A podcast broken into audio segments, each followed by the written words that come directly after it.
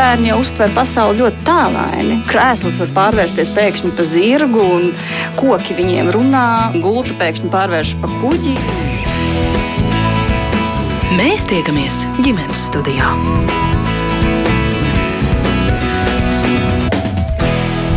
Labdien! Vai drīkst nespēlēties ar bērnu?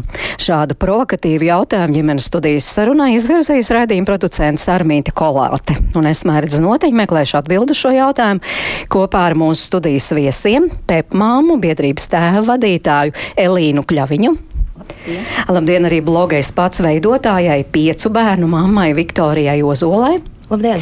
Un arī biedrības tēva pārstāvim privātās Montesori sākuma skolas direktoram Laurim Bokišam. Labdien! Protams, arī sveiciens jums visiem kā bērnu vecākiem, un es ceru, ka arī mūsu klausītāji, kuriem ir bērni, iesaistīsies, pievienosies, jautās un komentēs tas, ko jūs šeit runāsiet, bet es tad sāku ar šo provokatīvo jautājumu, vai drīkst nespēlēties ar bērnu? Kā Jā. jūs atbildētu, Viktorija? Jā, protams. Un, um, tiklīdz tie bērni ir vairāk nekā viens, un man viņi ir pieci.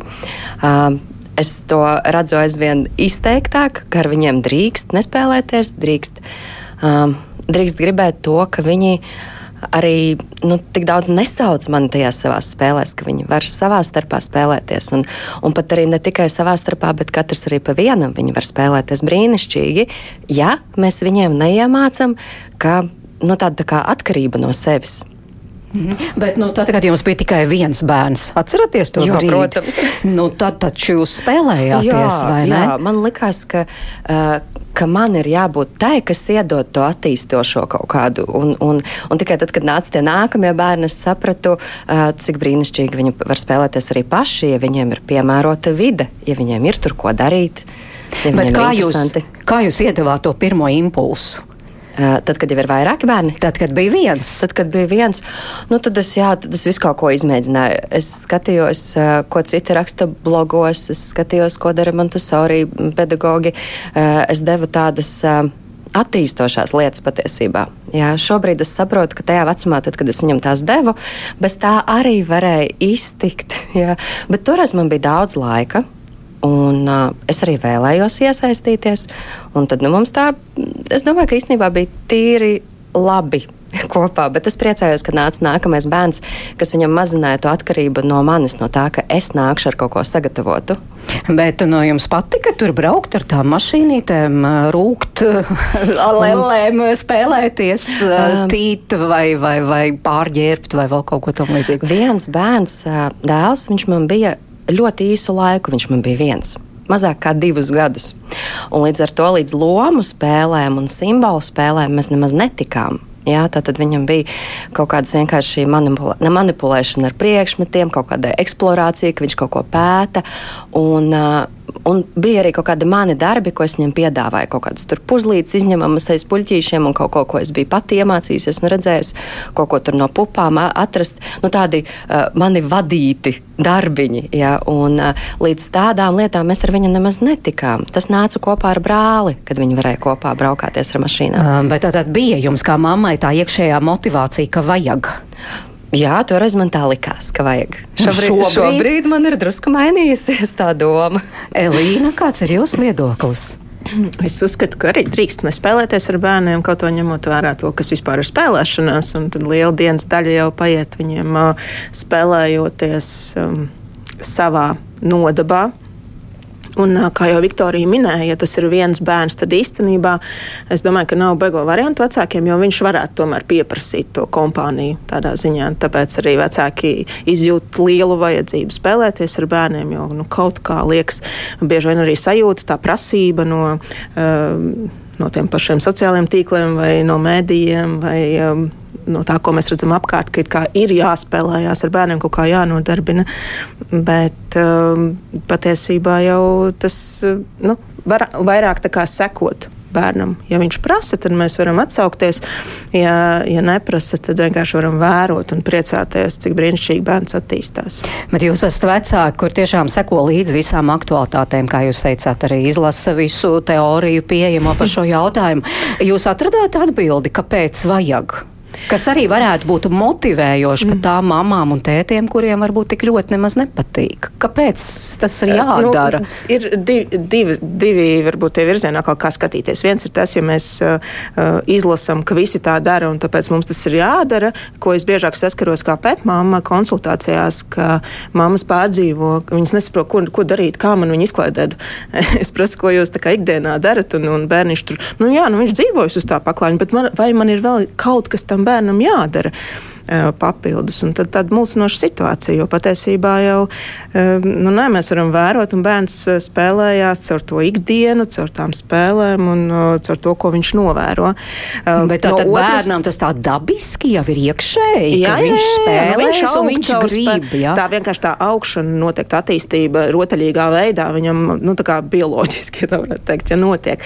Uh, jā, no otras puses, ko mēs runājam kursos vecākiem runājam un, un stāstam, par to, ka jā, spēlēšanās tas individuālais laiks, ja mēs viņu veltam kaut kā, es iztēlojos, kāds varētu būt Viktorijai, individuāls laiks ar katru bērnu. Desmit minūtes dienā Viktorija. Sākas pirmdien. Sākas pirmdien. Un, pret svētdienu. un pret svētdienu, jā, varbūt kaut kā tiekam cauri tiem, tam laikam, bet jā, tāds individuāls laiks, ka mēs pievēršamies un dodam uzmanību caur rotaļāšanos, tas ir pierādīts, jā, kā tāds attīst, gan attīstību, gan attiecības veicinošs uh, pasākums. Tā spēlēšanās, ka mēs esam tiešām viens pret viens. Uh, bet tas uh, pārpratums bieži vien rodas, ka vecākiem liekas, ka viņiem ir visa diena jā, jāskatās un jādarbojās ar bērnu, jo tikai tad viņš attīstīsies. Tas gan nav īsti tā.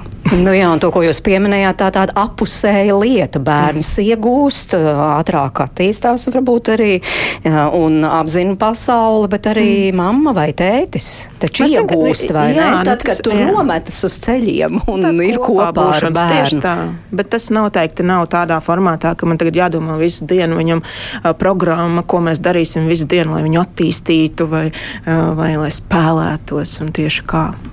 Lauri, Jā, es klausos. Elīna un Viktorija jau ir principā pateikušas visu. Es varu tikai kaut kādus dažus aspektus vēl iezīmēt. Nu, piemēram, kāpēc varētu būt grūti spēlēties ar to bērnu? Varbūt tāpēc, ka mēs paši neesam guvuši to foršo spēlēšanās pieredzi bērnībā, vai arī varbūt tāpēc, ka mēs esam bijuši tie, kuri ir bijuši spiesti vieni paši spēlēties, jo ar mums neviens nav spēlējies. Ja? Var, varbūt, ka mums bija tās vecmāmiņas un vectētiņi, kuri mūs vienkārši izklaidēja tiešām no rīta līdz vakaram, un tāpēc mums arī liekas, ka tas nozīmē, ka man ir jāpavada visa tā diena ar bērnu. Vai arī otrs, jā, kā es teicu, ka mēs vienkārši esam bijuši tie, kuri paši sevi ir nodarbinājuši, un mums, mēs nesaprotam, ko ar to bērnu darīt nemaz. Tas ir viens, otrs, eh, ka tiešām eh, spēlēšanās nav izklaidēšanās, un tā ir vēl, vēl viena lieta, ko vecāki bieži pārprot, ka viņiem ir jā, jābūt animatoriem, izklaidētājiem, vecākiem, un, un tas nebūtu nu, nav tā. Jo tas, pie kā šī patstāvīgā spēlēšanās noved, ja mēs skatāmies tālāk, uh, ir pie tā, ko nu, skolas gaitas nu, uzsākot, mēs gribētu, lai bērniem, nu, tagad arī jaunais standarts paredz, ka bērniem ir pietiekami augsti attīstītas pašvadības, pašvadītas mācīšanās prasmes, bet tās e, sākas no pašvadītas spēlēšanās prasmēm, un tās mēs varam nu, bērnam iedot un e, attīstīt. Un cie, tieši caur to, ka bērns primāri visā šajā situācijās būs tas aktīvais uh, spēles dalībnieks, un mēs viņu atbalstīsim, mēs varam būt klāt. Un, un tad pēdējais aspekts, ko es tajā gribu teikt, ir tas atrast eh, katram pašam savā sirdī un, un, un, un sajūtās to zelta vidusceļu. Kā iedot tās īpašās desmit minūtes vai divdesmit, vai cik nu mums uh, laiks un dievs atvēl, lai pavadītu ar bērnu ļoti intensīvi, un, un tad savukārt dot šo iz, sajūtu bērnam, ka viņš pats var spēlēties, ka viņam pašam ir interesanti, ka, mēs, ka ir interesanti tas, ko viņi dara, nevis tur, kur esam mēs. Jo, jo tas, tas tīri praktiski ir tas, ko, eh, uz ko iekrīt vecāki jau agrā, agrā bērnībā, ka viņi sāk bērnu vienkārši. Nu, nu, nezinu, turēt par rokām, rādīt visu, kā mēs te tagad dzīvojam, visu darboties, darboties, darboties līdzi, un tad tas bērniņš pierod, un pierod tā pirmā dzīves gada laikā, ka viņš tiek visu laiku apčubināts, un pēc tam viņš grib vienkārši, lai tā čubināšanās turpinās. Un, un mums ir grūti no, no, nolīst uz zemes un, un sākt līst ar bērnu. Mm -hmm. un, un, un pēdējā lieta, ka tad, ja mēs to spējam vienkārši ieraudzīt, ka mēs nemākam spēlēties, tad eh, tas, kurš mums var iemācīt no jauna mūsu pieaugušā vecumā spēlēties, ir bērns. Nu, tad mācāmies eh, un atgriežamies eh, pie šī pirmā gada. Bērnu pirmo gadu jūs arī raksturojāt. Tiešām tas tā dabiski, nu, varbūt ir praktiski. Nu, paraksturojot, nu, bērns tur guļ gultiņā. Mm. It kā jau nespēlējis. Nu, viņš, cik, cik daudz viņš šajā vecuma posmā līdz tam gadam var iemācīties pats, vai ko var tā mamma vai tēvs, kā viņam var palīdzēt, kā to var veicināt? Tas, ko bērniņš dara, viņš sāk iepazīt, un tā iepazīšana tad arī ir šī rotaļas sākums. Viņš sāk iepazīt no sākuma savu tuvāko sejas un pats savus pirkstiņus un kājiņus, un tur jau sākas rotaļāšanās. Spēle rotaļāšanās ir izziņa apziņas process, un uz to, un uz to tā arī būtu jāspēj skatīties. Un man liekas, ka tas ir tas grūtākais, kad, tad, kad uh, nu, skat, runā, nu, kad dzird to vārdu spēlēšanās, rotaļāšanās, liekas, ka tas ir kaut kāda ļoti aktīva tāda, nezinu, darbība, kurai ir jābūt piesātinātai un pārsātinātai, bet runājot par tiem īpaši pirmā, pirmajā dzīves gadā, nu, bērni ļoti ātri var pārsātināt ar visu kaut ko nevajadzīgu. Līdz ar to pirmajā gadā būtu jābūt ļoti maz vispār priekšmetiem, ļoti, ļoti, ļoti mierīgai tai vidē, jo bērni var pārsātināt ar tiem stimuliem stimuliem no ārpuses. Grabulīši, rotaļi kaut kādi, kas griežās virs galvas un, un skan un dzied. Nevajag? Es, es, domāju, ka, es domāju, ka bērns tā jūtās gandrīz vai iesprūdis. Iedomājieties, bērns guļ uz, grī, nu, piemēram, uz grīdas vai gultiņā, vienalga, kur viņam ir tā spēļu zona tajā brīdī, un virs viņa ir tas karusels, kas griežās. Un viņš nevar izkļūt no tās situācijas. Viņš ir iesprūdis ar to karuseli, kas piesaista viņa uzmanību. Viņš nevar novērsties, jo, nu, jo tur piesaista to uzmanību. Un, jā, es domāju, ka, bez, ka, viņ, ka viņš tā pārsātinās tieši. Un tiklīdz mēs to karuseli noņemam, tiklīdz mēs iedodam to vietu, kur viņš var vienkārši gulēt un pagriezt savu galvu uz vienu pusi un, un paskatīties, ieraudzīt savu roku vai ieraudzīt kādu lupatiņu, ko paņemt. Vai, piemēram, ar to grabuli ir tā, ka uh, bērnam jau pirmajos mēnešos vēl ir tas tveršanas refleks, un viņš paņem grabuli. Jā, viņš viņu satver, bet viņš nevar atlaist vaļā. Un kas ar viņu notiek? Viņš viņu krata, mēģina dabūt viņu ārā no rokas, un tad kaut kādā brīdī varbūt uzkrīt uz sejas. Jā, tas ir arī sāpīgi.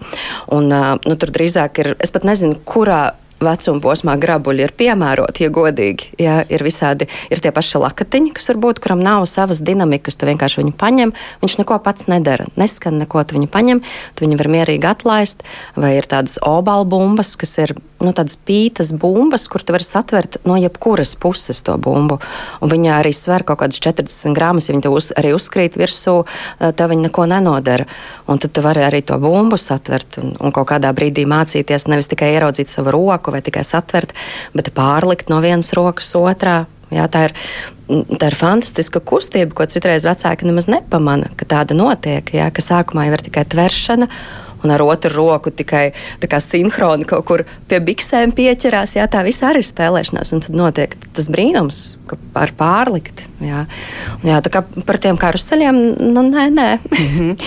Elīna, tālāk paskatāmies it kā pa to vecuma attīstības posmiem.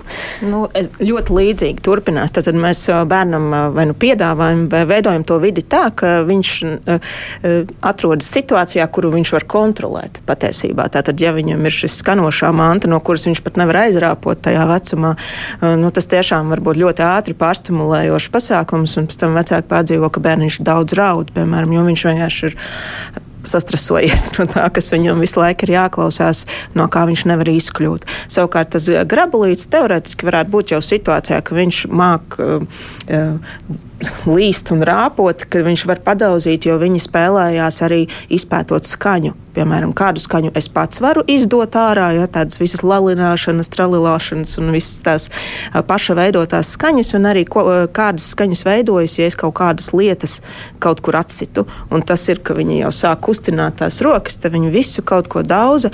Un, un līdzīgi tas iet arī pa vecumiem uz priekšu. Arī lielākā vecumā attiecīgi mēs nodrošinām to vidi tādu, ka bērns gan var ieiet procesā, gan pats izkļūt no viņa ārā gan uzkāpjot kaut kur, piemēram, jā, lai nereti arī gadās bērniņš rāda, es gribu tur, tur, tur, un vecāki uzliek. Nu, tādas bīstamākas situācijas ir diezgan bieži sastopams, kad ceļ uz palodzēm un tad vēro apkārtni, ja, piemēram, vai rotaļu laukumos uz trepēm vai um, uz kaut kādiem tiem paaugstinājumiem, kur bērns pats fiziski nevar norāpot lejā, nokāpt. Tā kā, nu, tas arī var radīt gan bērnam kaut kādas pārdzīvojumus, nu, nemaz nerunājot par kaut kādām traumām. Ja. Tā kā vienkārši turpināt turpinam uh, piedāvāt uh, to un sekot līdzi bērnu attīstībai. Uh, tā, tieši sekojot tam, ko viņš šobrīd rāda, kādas ir viņa spējas, ķermeņa spējas. Tā kā vecāku uzdevums svarīgākais būtu novērot un piedāvāt. Jā, novērot un piedāvāt. Jo, piemēram, ir arī vecuma posmi, kad man, piemēram, ļoti patīk visādi groziņi un bumbas, bet ir vecuma posmi, kad nedara ripojošas mantas. Jā, tad, kad bērns vēl nelien uz priekšu, ko viņam tā bumba izdara, viņš viņu aizripina un viņš pie viņas netiek klāt. Jā, viņš paliek dusmīgs. Jā, tad, tad ir jādomā, kas tad ir tas, ko mēs piedāvājam tajā brīdī.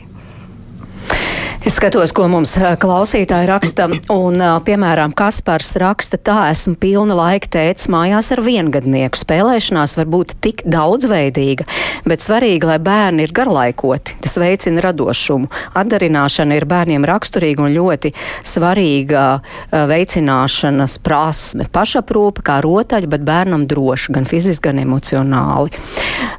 Garlaikoti, nu jā, kaut kādā brīdī, kad tie bērni sāk runāt, nav, nav tik spoži, kā jūs te raksturojat, ka visi tur vecāki tikai kaut ko mazliet piedāvā un bērni paši spēlējās. Tad tur parādās garlaicīgi, man ir garlaicīgi, iesaki man kaut ko. Nu, zin kā, bērnam jau tomēr ir, viņš jau ir stipri attīstīts, lai, lai viņš varētu nodefinēt, ka viņam ir garlaicīgi. Tas tā viengadnieks, nu, mums nu, nepaziņo, ka, nē, jā, protams, jā. Gaspar, vien, viengadnieks nepaziņo, ka viņš garlaikojas. Viņš varbūt ir noguris, un tad viņš var sākt īdēt un dusmoties, vai, vai tam līdzīgi, vai izsalcis. Bet, protams, nu, par to jau ir diezgan daudz literatūras, ka garlaicība īpaši tajā mūsu pārsātinātajā laikmetā, kurā mēs dzīvojam, ir viena no, no labākajām lietām, ko mēs vispār varam bērnam nodrošināt. Tas, tas sākas kaut vai no dienām bez ekrāniem vai dienām vienalga dabā vai to, ko mēs eh, tipiski nedarām. Protams, tas izaicinājums lielākais vienmēr, lai ko mēs piedāvātu vai kā piedāvātu, ir, ka mums nu, pašiem, kā vecākiem, ir resursi. Mums pirmkārt ir emocionālais resurs, lai mēs eh, tajā brīdī, kad bērns nepaziņo, ka viņš ir, paziņo, ka viņš ir garlaikots, ka mēs eh, nu, labi ejam uz kino, ja? nu, jo vienkārši paši netiekam galā un esam pārguruši. Un tad varbūt labāk, tomēr ir labāk, ka mēs eh, nu, uzliekam nezinu, bērnam mazo mulu skatīties mājās nevis eh, popkornu un kino mājās. Bet eh, atkal, ja mums ir pašiem resursus domāt, eh, domāt būt klātesošiem, izturēt tās piecas garlaicības minūtes, pēc kurām, principā, jebkurš bērns sāks izdomāt, ko, ko darīt. Ja? Un tad, protams, atkarībā no tā, cik daudz mēs bērnam būsim iedavuši tādas jēdzīgas prasmes vai nejēdzīgas prasmes, viņš vai nu sāks darīt kaut ko foršu un interesantu, vai sāks darīt blēņas, ja īpaši piecgadnieks, piemēram, ja, kurš būs garlaikots un, un, gribēja, un būs tagad pēc Ziemassvētku laikas noskatījies visas vienas mājās sērijas. Nu, skaidrs, ka viņš sāks uh, uh, savā garlaicībā izgudrot dažādas lietas, kā pasargāt māju no visādiem iebrucējiem, un tas var būt arī mesī, jeb, jeb nekārtīgi. Jā, bet tas var būt arī radošs. Tas, protams, ka tas vienmēr ir radošs, un, un ir tas, ir tas ko teicis rakstīja. Tas radošums eh, klāt, ir klātesoši nemitīgi. Eh, cita lieta, vai mēs to spējam novēro, novērtēt, un vai mēs spējam kā pieaugušie to tolerēt. Es, piemēram, kā teicis, ne visas savu bērnu radošās izpausmes spēju tolerēt.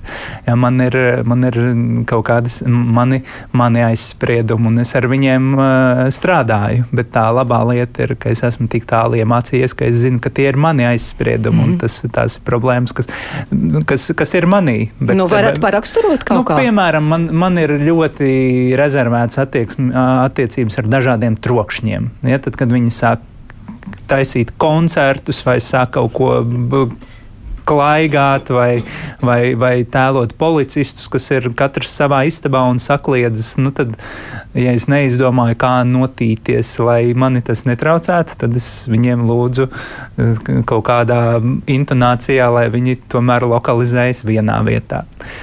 Mm -hmm. Jo nav jau vienmēr tiešām tik viegli arī vecākiem būt vienkārši klāt. Nu, protams, un, nu, viens ir skaņa, otrs ir arī kaut kādas mākslinieckās izpausmes, zīmēšana, glaznošana, krītiņi Klasika laikam aizskara un drēbju sagriešanu vai matu apgriešanu, visu, ko vecāki dalās. Ja. Un, un tad arī mēs skatāmies, ir kaut kādas lietas. Pirmkārt, mēs caur spēlēšanos mācām bērnam arī robežas, un, un tā ir brīnišķīga lieta, caur ko to darīt. Kā, cik forši jūs spēlējaties, bet būtu superīgi, jo viņiem jāatgādina, ja, ka viņi nav vienīgie mājās, un ka tas ir arī nu, tāds, mēs mācām būt tajā sabiedrībā, mazajā sabiedrībā, kaut vai kas ir mūsu mājās, un tad ārē, kur mammai un tētim arī kaut kas var, var būt traucēt, bet tad mēs piedāvājam arī kaut kādas uh, alternatīvas noteikti, kur viņi tad un kādā veidā tieši viņi var izpausties. Nu, varbūt jūs arī varētu padalīties ar kādām alternatīvām šajā, šajos brīžos, ka vecākiem kļūst grūti. Uh, kas ir tāds interesants, uh, ko, piemēram, jūs piedāvājat, kas bērnus aizrauja? Nu, man, man klasika droši vien, ar, kur gan nav bijusi jālieto kaut kādu pēdējo pusotru gadu, bet pirms tam gadu pusotru noteikti strādāja lieliski. Es biju sāguris, bet viņi gribēja, lai es piedalos, un tā tad es biju kalns. Es biju kalns, un tad viņiem bija divas pasaules. Vienam bija mašīnu pasaule, otram bija dinozauru pasaule. Es, es sēdēju, kājas salietas, tad tur bija tunelis, pa, kur bija laika tunelis, pa kuru varēja nonākt no, no vienas vietas uz otru. Un es varēju būt pilnīgi nekustīgs, pilnīgi netraucēts tur starp viņiem, un viss, viss notika. Nu, piemēram, nu, tā, tā ir viena lieliska, lieliska lieta. Viktorija, var varbūt jums sāk... arī kaut kas eh, padomā. Sākumā atgādināja, tas, ko Lauris stāstīja, man atgādināja grāmatāju meklēt, kur tēts bija paslēpies skapī, kur me, ar meitu spēlēja paslēpes, un viņš skapī gulēja. Brīnišķīga grāmata. Um, Tas man vispār ikdiena ir pavisam savādāk. Es neesmu ne kalns, es neesmu ne animators. Eh, es esmu pieņēmusi drusku citu veidu, kā es esmu kopā ar bērniem, jo patiešām viņi ir pieci. Un pat ja es pa desmit minūtēm katram veltītu to kaut kādu individuālo spēļu laiku, tā būtu jau gandrīz stunda no manas ikdienas. Un vakaros pēc skolas un pēc bērnu dārziem man tas laiks ir patiesībā ļoti, ļoti īss. Un tajā laikā man ir jāpaspēj, nezinu, uztaisīt vakariņas vai kaut ko vēl drusciņu uh, aprunāties un pašai apsēsties kādreiz arī ar grāmatu, jā, jo es arī gribu drusciņu laiku sev. Um, man tā pieeja ir pavisam savādāka. Es uh, tik daudz neiesaistos tajās spēlēs, un arī patiesībā bērni mani arī tur īpaši negaida. Viņiem ir interesanti pašiem ar sevi, un es viņiem veltu laiku tajos brīžos, kad mums ir kaut kāda aprūpes brīži, tad, kad es pinu meitai matus, es ar viņu runājos, tad, kad mēs ejam vakarā, nezinu, zobus tīram, es tur viņiem pārskaitu zobiņus un paskatāmies un parunājamies par kaut ko. Mēs vienmēr ēdam kopā brokastis un vakariņas, un tas ir mums laiks, nevis, kad mēs ar pilnu muti nerunājam, bet tieši otrādāk mēs runājam. Mēs, mēs, mēs katram pajautājam, kā tev šodien gāja, un varbūt ir kaut kas, par ko tu vēl aizvien domā, vai tu gribi ar kaut ko padalīties. Un, uh, mēs ne tikai mācāmies uh, viens otru sadzirdēt, nu, tā kā komunikācijā tajā brīdī, bet arī Viņi viens otru mācās pagai, pagaidīt viens uz otru, kamēr viens runā. Mums sākumā negaidīja tik gludi. Šobrīd jau ir patiešām tā, nu, skaisti. Un, um, jā, un tad līdz ar to, ka esmu pabarojis viņus ar uzmanību citos brīžos. Ja, nezinu, tur griežot nagus, taisot matus un palīdzot kādreiz uzvilkt kādu zeķi. Nevis tur, ko tu no manis gribi, bet nāc, nāc, es tā palīdzēšu. Paskatīsimies, kā man tā zeķa apēda tavu kāju. Ja, uh, viņi jūtās tik piepildīti ar to uzmanību, ka viņam nemaz tik ļoti man vairs nevajag. Nu jā, jo atslēgas vārds droši vien ir būt kopā. Un Jā. tas nozīmē spēlēšanās. Tā ir tikai, varbūt, tikai viena maza daļiņa no šī būt kopā. Bet varbūt, Elīna, jums ir tieši par to spēlēšanos vēl kāda ideja, ko jūs uh, varētu no savas prakses un pieredzes. Nu, es domāju, uh, viens, ja mēs domājam par to spēlēšanos, uh, noteikti vecākiem ir jādomā par sevi. Tādā ziņā, atkal atgriežoties mazliet, ko es iepriekš teicu, uh, ka mēs nosakām tās robežas, kurā vietā notiek tā spēlēšanās. Mēs drīkstam, es domāju, tas bija mans izaicinājums, ka man bija maz bērni, ka man likās, nu man taču viņiem jāļauj izpausties un tā un šitā, bet pēc tam man ir jāvāc tādas lietas, nu, es īstenībā nu, paņem ļoti daudz laika un patiesībā arī nervu. Nu, ka nav tā kārtība tāda, kā tos iztēlojusies. Un tad, ka mēs varam uh, droši noteikt to vietu, kurā vietā bērns drīkst darīt to vai citu lietu. Jā, tur noteikti Viktorija par Montesori pateikt, tā būtu tāda brīnišķīga lieta, ko es būtu, ja es būtu zinājusi kādreiz senos laikos. To, ja. uh, bet, uh, ja mēs gribam zīmēt vai krāsot šausmīgi ar kaut kādām tur goškrāsām, nu daram to vannas istabā, piemēram, vai lai nav pēc tam uh, jā, jātīra no sienām nost, vai ar smiltiņām līdzīgi, ja kaut ko novērojot, atceros pie, pie Laura bija ciemos tādas smukas kastītes. Ja. Nu, viss kaut kas tāds, ko īstenībā tiešām var padomāt, kas vecākiem pašiem uh, sagādātu mazāk raižu. Mm, mēs drīkstam to noteikt. Savukārt, ja bērni ir eh, tie, kas eh, ļoti aktīvi grib darboties, eh, un tā arī ir spēlēšanās, tās lielo kustību spēles, saucamās, tad, tad vai nu mēs dodamies ārā, vai tad atkal mēs skatāmies, ko mēs mājās varam iekārtot, lai viņi var to savu ķermeni izkustināt tieši tādā veidā, kā viņiem tas tajā brīdī ir vajadzīgs, jo tā ir milzīga arī attīstības mm. daļa. Tieši tās lielās kustības, visas lēkāšanas pa dīvāniem, kas visiem, vai gultām, kas visus vecākus šausmīgi satrauc. Pamatoti, jo tas var būt bīstami. no vienas puses, no otras puses arī laužot tās mēbeles, tad arī ir kaut kādi varianti, ko mēs varam tā vietā darīt, citu, ko drīkst darīt. Nu, tā kā ierosinām, tad ko drīkst. Bet vecāki arī var noteikt, ka viesistabā nē, mēs nespēlējamies, lūdzu, re, ko jums ir sava istaba, un Bet tur lūdzu spēlējieties. Noteikti skatāmies vecumu pirmkārt, un otrkārt vec, bērniem dažkārt, nevis dažkārt, bet ļoti bieži, visbiežāk biežāk vajag uh, vismaz līdz divu gadu vecumam uh, vecāku klātbūtni tajā brīdī, kad viņi spēlē. Viņi grib mūs redzēt redzes lokā. To arī bieži vien uh, vecāki norāda. Es nekur nevaru aiziet. Kāpēc viņš nevar viens pats paspēlēties? Tāpēc, ka nav paredzēts vēl viņam vajag to kontaktu, viņš atklāja pasauli, un pasaules atklāšana ir, var mazliet to, nu, kā saka, to drošības sajūtu pakustināt, un vajag vienmēr to acu skatienu, kur ieskatīties vecākiem acīs. Tu tepat esi, un es turpinu attīstīt savu ķermeni, savas nezinu, prāta spējas un emo, emocionālo pasauli tavā klātbūtnē. Un īpaši mēs to novērojam. Visi vecāki, kas tagad droši vien klausās, kam viengadnieki, pusotradgadnieki jautā, nu, cik ilgi vēl? Nu, tad, nu, vismaz līdz diviem gadiem viņi gribēs, lai jūs esat pārredzamā klātbūtnē.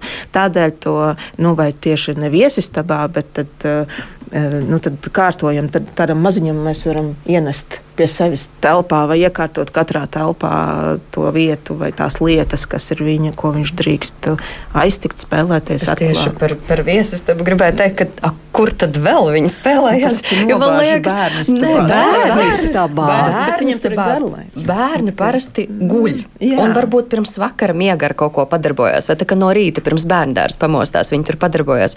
Bet lielākoties viņi visi grib būt tajā viesistabā, kur ir, nu, izņemot lielie, kas jau ir pirms pusauģu vecuma un pusauģu vecumā, ka viņi nolien savā istabā, bet, bet tie, kas ir pirmsskolēni, viņi grib būt kaut kur tuvumā, kaut kur kopā ar ģimeni. Viņi negrib aiziet kaut kur, kaut kādā būcenī. Pat ja tur ir viss rozā mākoņi un vienredži, viņi tāpat grib būt tuvumā. Mm. Ir vēl kas piebilstams, jo es gribu atgādināt mūsu klausītājiem. Tātad šodien ģimenes studijā ir uh, Pepmāma, biedrības tēva vadītāja Elīna Kļaviņa, blogais pats veidotāja, uh, piecu bērnu māma Viktorija Ozola un biedrības tēva pārstāvs privātās Montessori sākuma skolas direktors Lauris Bokišs. Mēs tātad par spēlēšanos un uh, gribu arī dažus komentārus no klausītāja puses uh, palasīt. Ines rakst, vai gadījumā nav tā, ka ja mēs nespēlējamies ar bērnu, nedodam viņam priekšā ceļus un schēmas. Viņiem pašiem ir iespēja attīstīt pašu spējas izdomāt, ko un ar ko spēlēties. Uh, un Ines raksta, lasīja nesen rakstu par Mariju Montessori, un man pārsteidz secinājums, ka bērns spēlēs tad, ja viņam nav ko darīt. Lauri par Montessori noteikti varētu papildināt, vai ne? Nu, tā jau tur, tur, tur nav Montesori vajadzīgs. Nu, protams, ka bērni rotaļājas tajā brīdī, kad viņiem nav ko darīt, bet, eh, bet nu, tas ir tāds, eh, atkal tas tāds mūsu prāta konstrukts, eh, tas nav ko darīt. Nu, bērniem principā visu laiku ir ko darīt. Tā, tas ir tas, mēs kā pieaugušie, tas, jā, t, t, t, tas, tas vārds, viņš, viss viņš apstopē to sarunu, mums ir jāsāk vienkārši vienoties par terminiem, jo bērns patiesībā nedzīvo tā tādā pasaulē, kur viņam nav ko darīt. Ja? Viņš tikai tad, ja viņš ir tiešām vecāku nu, nezināšanas, nezināšanas, neprasmes dēļ, pilnīgi, pilnīgi izlutināts, izklaidēts līdz vaiprātam, tā ka viņam ir vajadzīgs ekrāns no rīta līdz vakaram, vai, vai lai viņam ir jaunas mantas, vai vēl kaut kas nu, tāds pāri, nu, tiešām iedomājoties kaut kādas vis, vis tādas saldākās filmas par izlaistiem bērniem, nu, tad kaut ko tādu var iztēloties. Bet patiesībā nu, ar, nu, normāli ar bērniem tā nav. Normāli bērni e, dzīvo pasaulē, kur ir interesanti, kur ir izziņas vērta, nepārtraukti. Tad tur tiešām ir svarīgi varbūt tie aspekti, ko Elīna jau pieminēja, ka uh, Tad, kad bērni ir tajās rotaļu situācijās, viņi ir visautentiskākie un, un reizē viņi vislabāk arī izzina robežas un visvieglāk mums viņiem ir jaunas robežas iemācīt tajā laikā. Un, ja vecāki grib iepazīt un pazīt savus bērnus, tad eh, viņiem būtu viņi jāredz rotaļāšanās situācijās, un varbūt tas ir vēl tāds šobrīd neizskanējis aspekts, jo, jo, jo tur mēs viņus varam eh, izzināt, kāds ir pat tiešām viņu temperaments, jo mēs varam tur eh, skraidīt no nodarbības uz nodarbību, no, no pa pulciņām, visu kaut ko, pa visādām sociālām situācijām un teikt, nu, man ir tāds brīnišķīgs bērns, vai viņš ir tāds, eh, viņš visur man klausa, vai, vai viņš man, bet tad mēs viņu pēkšņi ļaujam viņam būt viņam pašam un izrādās, ka viņa, nu, jā, viņš mums ir pakļāvies, bet patiesībā tas viņa temperaments ir pavisam citādāks, un to nu, mēs vislabāk varam izzināt eh, tieši tad, kad mēs ļaujam bērnam būt pašam, pašam ar sevi, rotaļāšanās situācijā, gan vienam, gan ar citiem bērniem, gan piedaloties kā tādiem pasīviem dalībniekiem un uh, esot ar atvērtām acīm un sirdīm. Lauri, jūs pieminējāt uh, tādu terminu izlaisti bērni un kaut kas varētu, protams, tur ir visi ekrāni, kas varētu traucēt, bet vai arī pārāk daudz rotaļlietu? Tas var būt traucējoši, jo es, piemēram, lasīju, ka es nezinu, cik precīzi ir šie dati, bet rietumos bērnam vidē ir vairāk nekā pusotra simta rotaļu ceļu lietu, un viņš katru gadu saņem vēl vismaz 70. Uh, es nezinu, vai rotaļlietas pašas par sevi izlaiž bērnu. Tas, kas izlaiž, ir nu, tas, ka bērns to uztver kā tādu izklaides akciju, kur viņš saka, es gribu, re, kur ir katalogs, re, kur ir veikals, es gribu jaunu, es gribu jaunu, es gribu jaunu. Un, un tad tas, nu, principā vienkārši izveidojas tāda kultūra, kur bērns nespēja novērtēt to, kas viņam ir. To, un, un, un, un viņu tiešām nu, viņ, viņš meklē atkal jau arī tajās it kā pasīvajās rotaļlietās izklaidi. To, ka viņam ir aizvien jauns un jauns un jauns stimuls.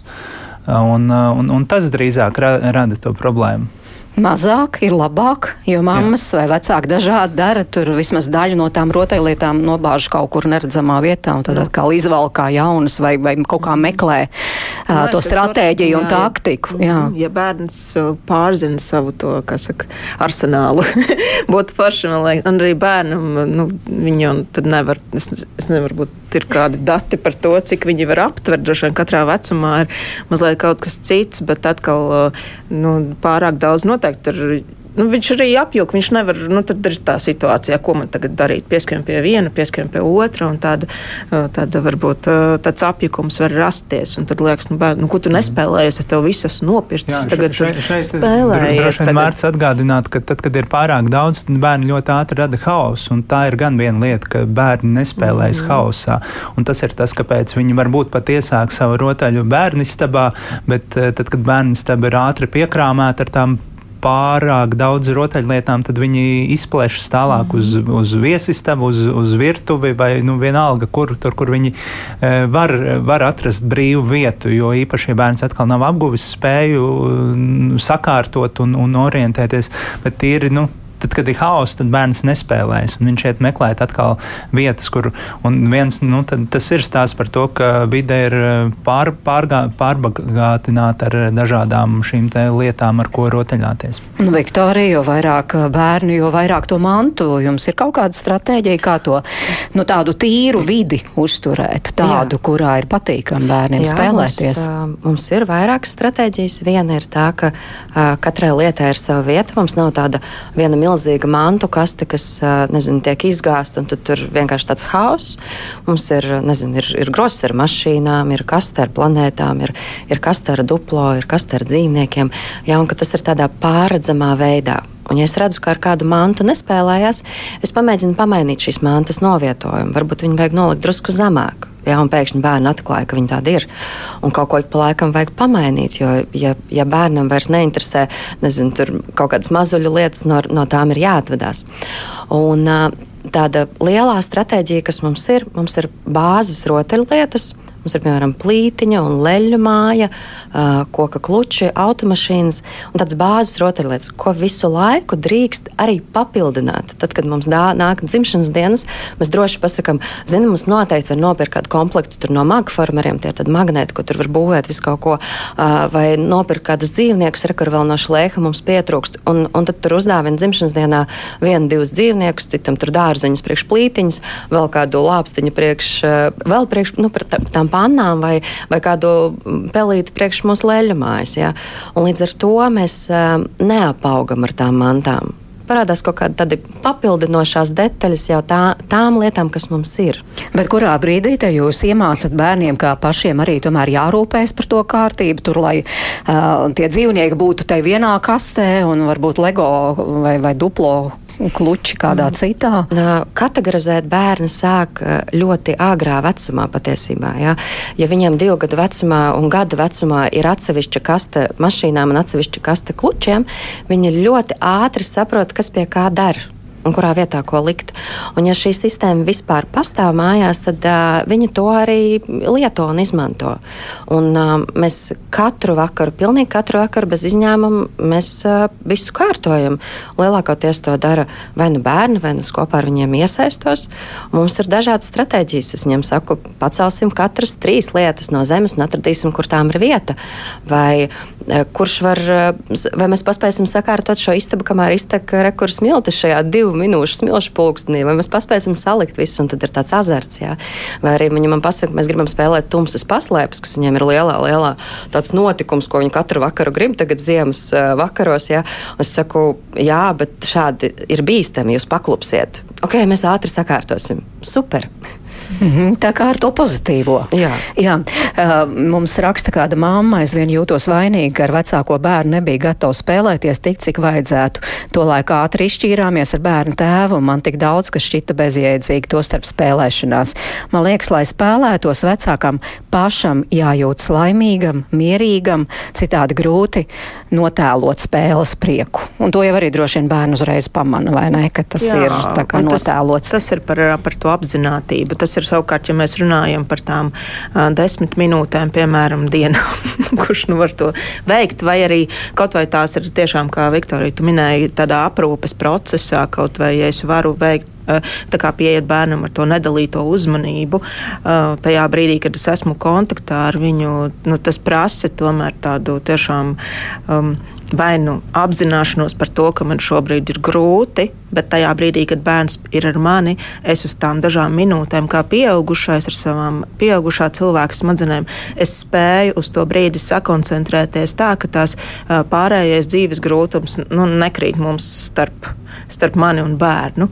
Tajā brīdī, ja mums ir tīrs tas mm, savstarpējās, nu, nezinu, kā negribas baigi ezotēriski lauks, ja, bet savstarpējais lauks, lai tur pa vidu nav manas problēmas. Un tik daudz es kā pieaugušs cilvēks varu izdarīt kaut vai uz tām dažām minūtēm. Un tā ir tāda klasika arī trauksmeniem, vecākiem trauksmenām, mamām, kurām ir varbūt kādi trauksmes traucējumi, tad uh, lūgums uh, 10, 20 minūtes nedalīt uzmanību, spēlēties ar bērnu ir milzīgs izaicinājums. Un, un tiešām tad, tādā gadījumā nevajag sevi tur mocīt, vienkārši vajag tikai uz tām dažām minūtēm, ik pa laikam, kad bērnam vajag manu kontaktu, tad es viņam viņu iedodu. Un, protams, atbildīgi risina savas dzīves grūtības, tur, kur viņas ir jārisina. Nu, lai nu kā būtu, vai vecāki spēlējas tiešām ar patiesu prieku ar savu bērnu, vai arī nu, tie ir tādi saņemšanās mirkļi, tomēr domāju, daudzi gaida, nu kad beidzot būs tas, kad bērns vai visbiežāk jau bērni spēlēsies.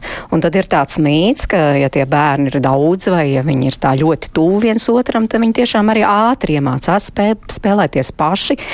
Vai tā ir. Ģimenes studija jautāja Maijai Bērtiņai.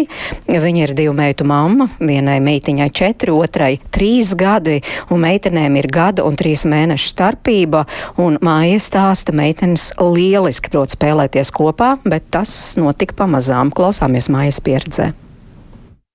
Es domāju, ka tas viss notika ļoti pakāpeniski, jo mēs arī mazākajai, tiklīdz viņa sāka rāpot, mēs arī ļāvām viņai doties uh, izlūkos, ko māsa dara. Viņa no sākuma pievērsās visticamāk kā tāds novērotājs, tad viņa kļuva par mantu atņēmēju. Un uh, ir apbrīnojami, ka mēs uh, tiešām nekad neesam mācījuši, ka māsai darīt pāri nedrīkst. Bet tiešām lielākā nu, viņa nekad nav ne iesitusi, ne parāvusi. Nu, viņa ļoti viņa nāk sūdzēties, māsa man atņēma mantu, bet tas ir bijis arī mazākai. Mazākā gan izdomāja ieķerties lielākajai matos, arī ka bija vēl mazāk. Nu, jā, un uh, atgriežoties pie tā, kad viņas sāka kopā spēlēties, jā, tas īstenībā notika ļoti pakāpeniski.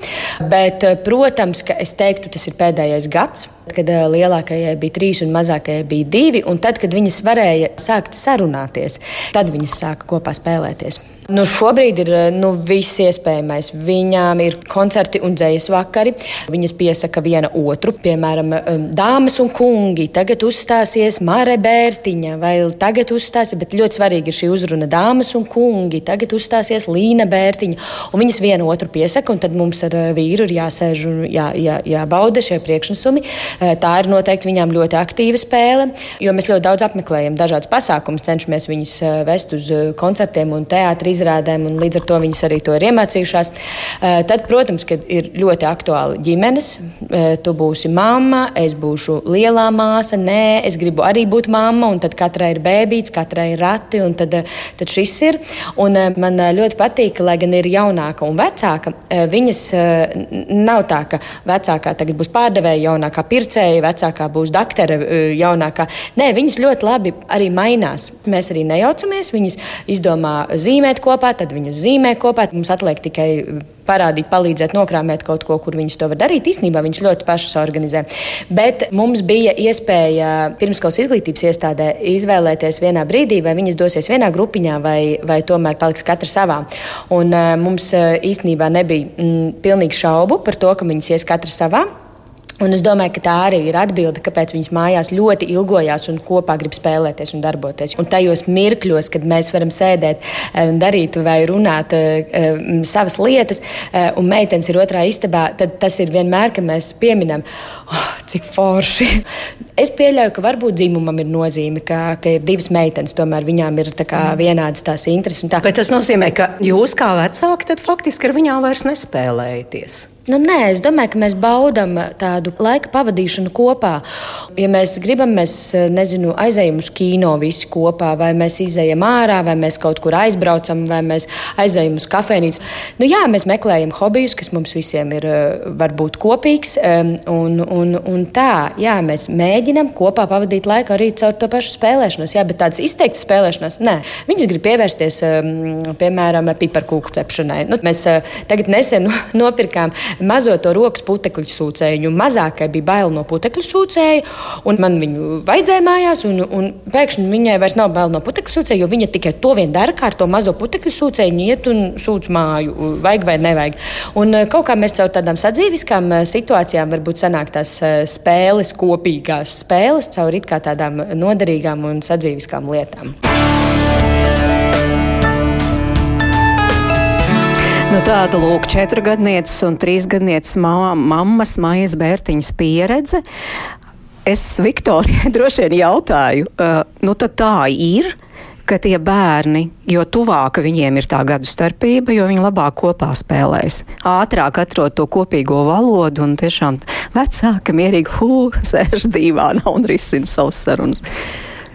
Manā pieredzē, jā, patiesi tā bija, ka divi, ja ir viena dzimuma un ja ir maza starpība, tad viņi patiešām diezgan daudz spēlēs kopā. Bet, ja ir viena dzimuma un ja ir maza starpība, uh, nu, tāds ir novērojams man. Jā, protams, ka katrā ģimenē var būt atšķirīgi. Jā, un, un tāds ir mans novērojums, ka mums tā tiešām ir.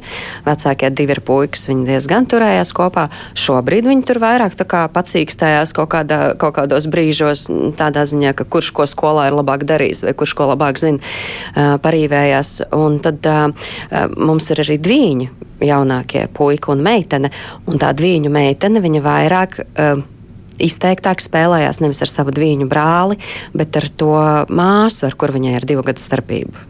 Jā, tomēr tur tam dzimumam arī ir bijusi nozīme. Bet kopumā viņi nu, mums. Uh, Viss cauri ir no vecākā bērna līdz jaunākajam, ir tikai septiņu gadu starpība. Jā, līdz ar to viņi visi tomēr savā starpā druskuļi tur čamājās un, un dzīvojās. Un, un varbūt tikai vecākais ir tas, kurš mums citreiz pasakā, nu, nē, nu, šis vairs nav priekš viņa. Lauri, kādu novērojumu? Jā, manējiem puikām ir uh, divu pusgadu starpība, un nu, es arī teikšu, ka pēdējais pēdējie divi gadi noteikti ir tādi, kur viņi ir nu, par tādiem čomiņiem palikuši. Nu, es nu, šobrīd jau man kaut kādā mērā tiešām jā, šis stāsts, šī mūsu saruna jau ir jau, jau, jau sena vēsture, jo, jo pārsvarā viņiem nav vispār vajadzīga vairs tā iesaiste. Ja? Bet eh, es ļoti labi atceros vienkārši to la laika posmu sākumā, kad, kad, kad bija vajadzīgs, nu, ka es biju tas tunelis starp viņiem, kas palīdzēja viņiem savienoties, un tad viņi savienojās. Un, un tagad uh, viņi no rīta līdz vakaram var spēlēt spēlēties. Un, un, un plēsties arī. Un, un, un, un tas, tas viss ir nu, dabiski. Tie, tie brāļu māsu konflikti ir arī dabiska lieta, kurā ar, arī atkal tajā rotaļāšanās situācijā tiek gan izmēģinātas tās dažādas spēka pozīcijas, dažādas uh, attieksmes, attiecības. Man ļoti patīk lomu spēles starp viņiem, kur viņi Piemēram, šorīt viņi bija spēlēja kaut kādus policistus un zagļus, un tad es viņus saucu ēst brokastīs, un tad viņi izdomāja, ka pie brokastīm viņi tā. Un tagad mēs būsim pusauģi. Tad viņa, tad viņa nāca pie brokastu galda, nomet savas policistu lomas un, un nāca pusauģi, viņi bija katrs arī paņēmuši līdzi telefonu, jo tētim ir telefons nebija nolikts nost, un viņam bija katram arī savs spēļu telefons, un viņi kā pusauģi arī tur bakstīja telefons un ēd un runājās ar mani kā pusauģi par pusauģu problēmām. Tā kā nu, tieši tik jautri iet ar tādiem jau palielākiem bērniem. Bet vecāki var kaut kā veicināt to brāļu māsu sadarbību, lai tur būtu tiešām vairāk sadarbošanās, protams. nevis, piemēram, tā kaušanās. Jā, jā nu man, man jau lielā starpība, ja man pieca puses starpā, bet arī vēl joprojām spēlējas kopā. Kaut vai tas ir Minecraft vai šobrīd kinētiskās smilts vai vēl kaut kādas rotaļlietas, ko viņi atrod tomēr un, un izpētas vairāk, ja tādas um, lietas, tas viņiem arī patīk. Bet tas, ko mēs varam kā vecāki darīt, mēs varam noteikti vienmēr nosaukt tos brīžus, kad viņi spēlējas kopā. Nu, to es kā šodien atceros, tos momentus, kad viņi varbūt lika kopā LEGO, un tad es arī nepakautrējos vienmēr pienākt klāt, nevis kādu. Uh, vecāki dažkārt lavās projām, tā kā neiztraucē, tā beidzot viņi spēlējās. Tā kā es mukšu prom un netraucēšu. Īstenībā nē, mēs pienākam klāt un pasakam, cik forši, cik brīnišķīgi, ko jūs te darat. Nu, painteresējamies un, un nopriecājamies par to viņu kopā būšanu. Un, un tas viņiem iedod papildus tādu tā kā drāju vakals turpināt šo. Un arī, protams, iesaistīties konfliktu risināšanā, palīdzēt viņiem šos konfliktus atrisināt. Tas arī būtu vecāku uzdevums. Nu, nevis tā kā vienmēr bāzties varbūt katrai pudelē, kā teikt, pa korķi. Katrā mazajā, mazākajā situācijā vispirms pavērot, ko viņi paši dara, kā viņi mēģina tikt galā, un tad, nu, ja nav tiešām uzreiz krīzes situācija jārisina, bet tad, tad iet klāt un teikt, nu, ka ir nepieciešama palīdzība. Es redzu, ka ir, man ir jāiesaistās, piemēram, un es jums palīdzēšu tagad saprast, kas ir. Bet kurš tas laimīgais brīdis, nu, ka bērniem tiešām vairs tā spēlēšanās nav aktuāla? Oi, Ne, es nezinu, es domāju, ka tas nekad nepāriet. Nu, es tagad skolā strādājot, nu, redzu, ka tur visi, visas klases, cik man Jā. viņas ir, visiem ir svarīga rotaļāšanās un ļoti svarīgi, ka viņiem arī tajā skolas, eh, skolas eh, stundās ir, nu, tajā, kamēr viņi ir skolas telpās, ka viņiem ir laiks eh, parotaļāties, paņemt vieni, vieni spēlē kaut kādas, nu, pavisam vēl tie, kas ir pirmklasnieki un sagatavošanas bērni vēl, nu, tādas, viņiem ir te, kopumā viņi ir tādā rotaļu nodarbību noskaņojumā, un viņi grib daudz rotaļāties. Un tie ceturtklasnieki nu, arī vienu brīdi spēlē kaut kādas ķerenes, un tad ir jādomā, kā viņus ierobežot, nu, tā lai tās ir tādas saturīgas ķerenes, vai, vai citā brīdī viņi paņem un spēlē šahu vai dambreti. Tā kā, nu, tās jau ir tās spēles ar noteikumiem, kurus arī viņi labprāt spēlē, vai UNO citā brīdī un tam līdzīgi. Un... Nu, tad vēl klausītāji komentāri, jo Līga mums raksta pietiekoši daudz pētījumu rāda, ka bērnām ir vienlīdz svarīgi gan spēlēties vienatnē, gan ar vienaudžiem, gan ar pieaugušajiem. Visu cieņu daudz bērnu ģimenēm, bet šis ir viens no iemesliem manā ģimenē, kāpēc vēlamies ar vīru tikai divus bērnus, jo šķiet nežēlīgi uzlikt taimeru un spēlēties ar bērnu noteiktu laiku, un tad lūdzu nākamais. Pašai viens no jaukākajām atmiņām ir spēlēšanās ar tēti, mammu un citiem pieaugušajiem. Pieaugot, manuprāt, eh, šis man palīdzēja atrast kopīgu valodu ar vecākajiem, jo viņi mani jau pazina, jau zināja, kā es komunicēju tikai caur spēli. Vēlos to pašu dot arī saviem bērniem. Nu, te, piemēram, vēl Ilze raksta, domāju, ka spēlēšanās ar bērnu palīdz atgūt dzīves prieku, nevajag gaidīt. Es gan neesmu spēlēšanās fans, bet nekad to nenožēloju, un te kāda viengadnieces māma raksta. Gribu pateikt lielu paldies par dotos sirds mieru, par to, ka ar bērnu nav visu laiku jāspēlēs, un bērns nav nemitīgi ar kaut ko jānodarbina. Kaut kur es zemapziņā ticēju, ka dara to pareizi, tomēr minētie sociālie tīkli radīja lielas šaubas. Bērniņš prot ar sevi spēlēties, māk parādīt, ka vēlas manu iesaistīšanos un priecājas, ja kāds vēl piedalās rotaļās ar viņu, taču neprast to visu laiku, kad ir nomotā. Jā, Elīna. Nokomentēšu šo. Jā, jums galvārds, ar citu skatos pulkstenī. Oh, Jā, nu tad. Ne, es vienkārši par to iztēlojoties, ja kāds jums būtu kāds mistiskais novērotājs visu dienu, kurš šausmīgi koncentrētu uz jums uzmanību un gribētu jūs ļoti nodarbināt ar kaut ko, es domāju, ka mēs visi justos ļoti neērti un grūti. Mums ir vajadzīgs laiks sev un ka mūs tiešām nevēro un neinteresējas visu laiku, cik man ir aizraujoša dzīve šobrīd. Kā lūdzu, nē arī bērniem to nevajag. Jā, es tikai gribu savukārt teikt īpaši tiem mazo bērnu vecākiem, ka tomēr tās zināšanas par vecuma posmu īpatnībām ir ļoti svarīgas, jo es tieši vakar redzēju, ka TikTokā atkal klejo video ar to, kā, kā mamām strādāt vienlaikus ar mazu bebīti un uh, tam bebim atkal tie piesietie hēlija baloni pie rokām un kājām. Tas ir šausmas, ko var darīt. Nu, tie, tie, ir, tie ir ieteikumi, kurus, kurus nevar, kuriem nevar sekot līdzi. Tas ir drausmīga bērnu pārstimulēšana. Un, un, jo, bet izskatās, ka viņš ir pārlaimīgs raustot tās rokas un kājas un tos balonus, mm -hmm. bet tas dara bērnam šausmīgi pāri. Nese, pēt, pētiet, pētiet, bet nesekojiet visām muļķībām. Viktorija, viena teikuma nav tik traka ar tiem pieciem bērniem. Taču nav tik traki, tā mēs nekad nav bijis, Nē. cik ar kuru spēlēties. Paldies um, par šo sarunu. Es saku Elīnai Kļaviņai, Viktorijai Ozolai un Laurim Bokišam, raidījuma producente Sarmīt Kolātes, Mārits Notiņa pie mikrofona. Paldies, ka klausījāties, iesaistījāties. Tiekamies rīt 5 minūtes pār diviem. Runāsim par vēstures mācīšanos pamatskolā un vidusskolā jaunajā satura pieejā. Tiekamies un visu labu!